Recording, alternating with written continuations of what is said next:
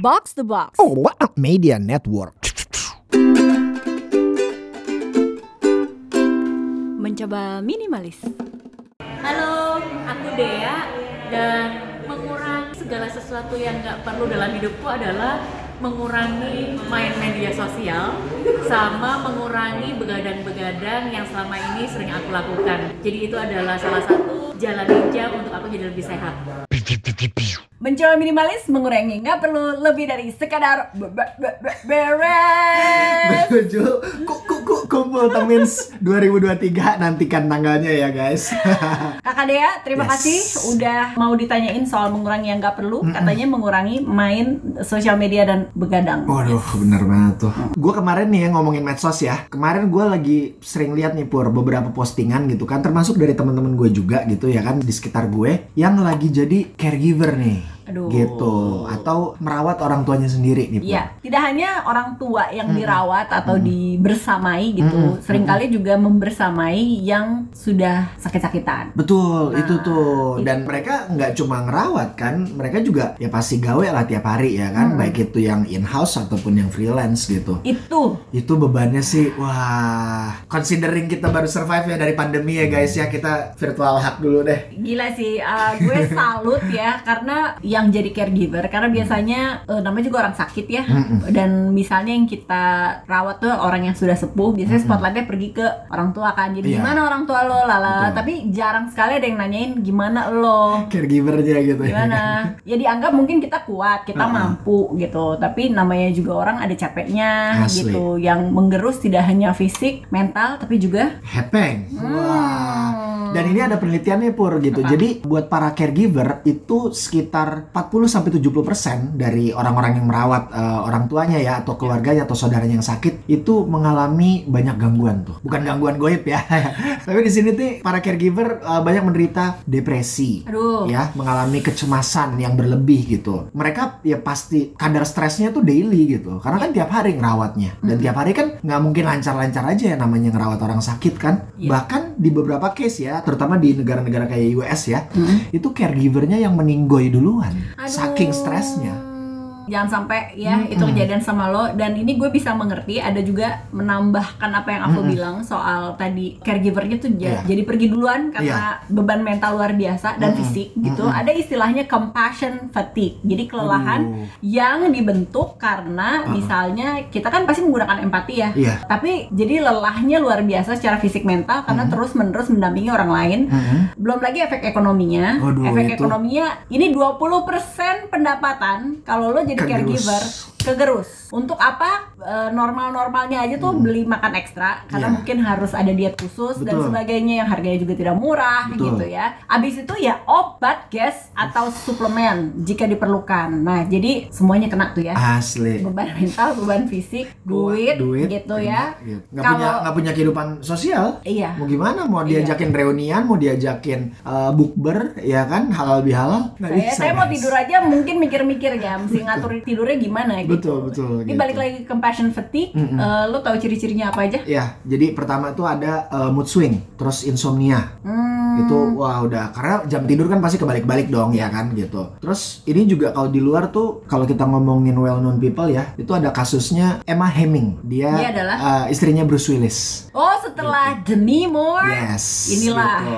Jadi- Jadi, Bruce Willis kan seperti yang kita ketahui dia struggle with dementia ya. Aduh, ya ampun. Lo kebayang ya aktor Sedih. film Die Hard papan padahal atas itu ya kan yang die hard yang aktor kan kemampuannya didasarkan pada mengingat ya mengingat dialog mengingat naskah skrip gesture jadi kebayang si Emanya ngerawat dia kayak apa tuh gitu kalian jangan bayangin Dory yang gemes di uh, Finding Nemo ya itu aja udah ngeselin sebetulnya kalau tiap hari kayak gitu ya kan gitu ini lu kebayang nggak your partner gitu kan Aduh, your lifetime partner Iya, iya, iya. kayak iya. gitu gitu dia sempat diwawancara ya pur ya Terus gitu dia bilang apa? dia bilang gini saya harus melakukan upaya tetap waras setiap hari Ih, gila. untuk menjalani kehidupan terbaik yang saya bisa. Saya melakukan itu untuk diri saya sendiri. Saya melakukan itu untuk kedua anak kami Hmm. dan Bruce juga pastinya yang nggak ingin saya hidup dengan cara yang lain gitu. Iya, Jadi pengennya kan waras ya. Betul. Waras dan happy. betul gitu. Jadi normal versi mereka kebayang nggak? Ya Dan kan? di Amerika Serikat ya kan beda sama Indonesia bisa jadi harga apa ya perawat tuh mbak yang bisa bantuin di rumah juga Beda super tuh. mahal Ah, gitu kan. Nah sekarang gimana cara meringankan beban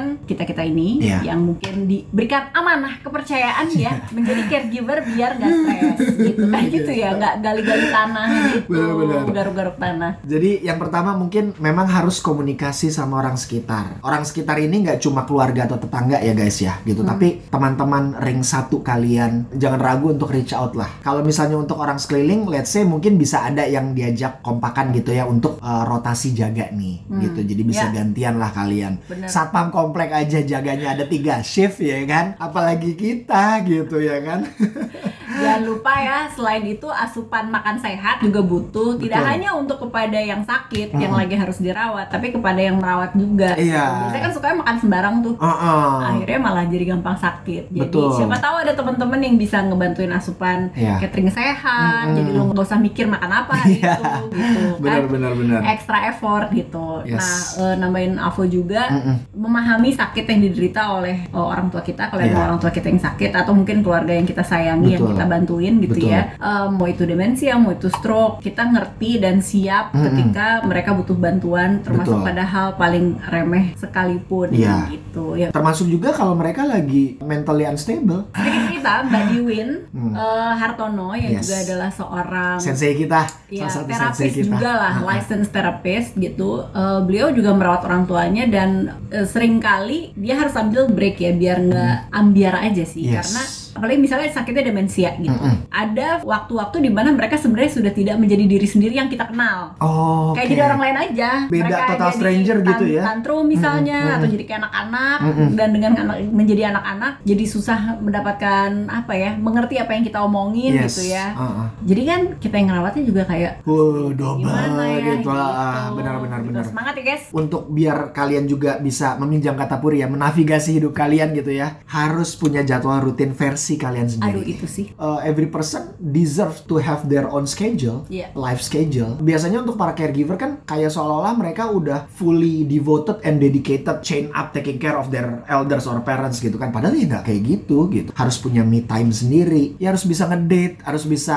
mukbang, harus bisa binge watching series kalian gitu kan. Harus bisa liburan berkala lah gitu atau pelesiran berkala lah Iya, gitu. Minimal untuk socializing gitu dengan teman-teman yang lain gitu. Maksudnya jangan sampai hidup kalian juga jadi tersita gitu. iya Iya kan? sering kali emang itu kendalanya kendala ekonomi Yes. Gua makanya selalu bilang kan punya uang adalah sebuah otot gitu ya Iya. sehingga kalau lo punya muscle itu lo bisa legasi lah tipis-tipis sama orang lain betul. gitu sedikit cerita ini kalau yang bukan rate suster profesional ya Mm-mm. itu 5 juta biasanya yang udah Oh, pengalaman mm-mm. apa Udah ya taktis tuh ya, skillnya taktis ya. pengalaman dan bisa ngopenin orang tua orang Oh, sepuh oke. Itu Oh, rate udah segitu Kebayang ya kalian harus hustle-nya tuh ah, ah. siap kan kan Siap. selalu punya plan Z itu lebih bisa ya untuk biar kita waras aja Betul sih. gitu. Minimal dengan episode ini teman-teman juga jadi memiliki sensitivitas yang lebih peka ya gitu terhadap sekitar kalian terutama yang lagi jadi caregiver. Eh, kalau ada support yang bisa kita berikan, kita pasti akan berikan. dengan senang Gitu. dan ini termasuk kalau kita yang jadi temennya ya Iya. kayak misalnya aku lagi ngerawat orang tuanya terus dia ngilang tuh sebulan kayak nggak pernah bales WhatsApp, chat uh-uh. WhatsApp segala macam ya emang ditelepon aja kadang Yes. mereka yang nggak mau cerita justru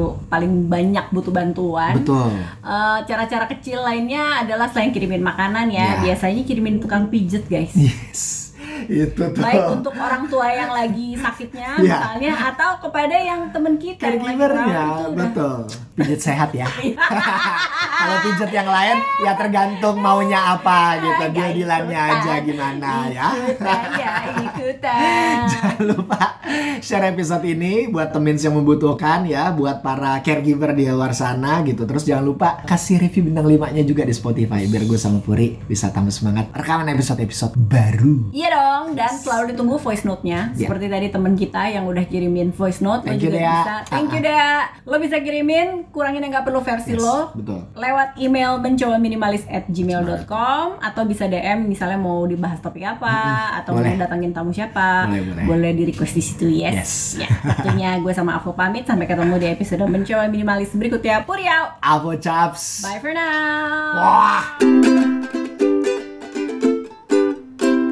Mencoba minimalis.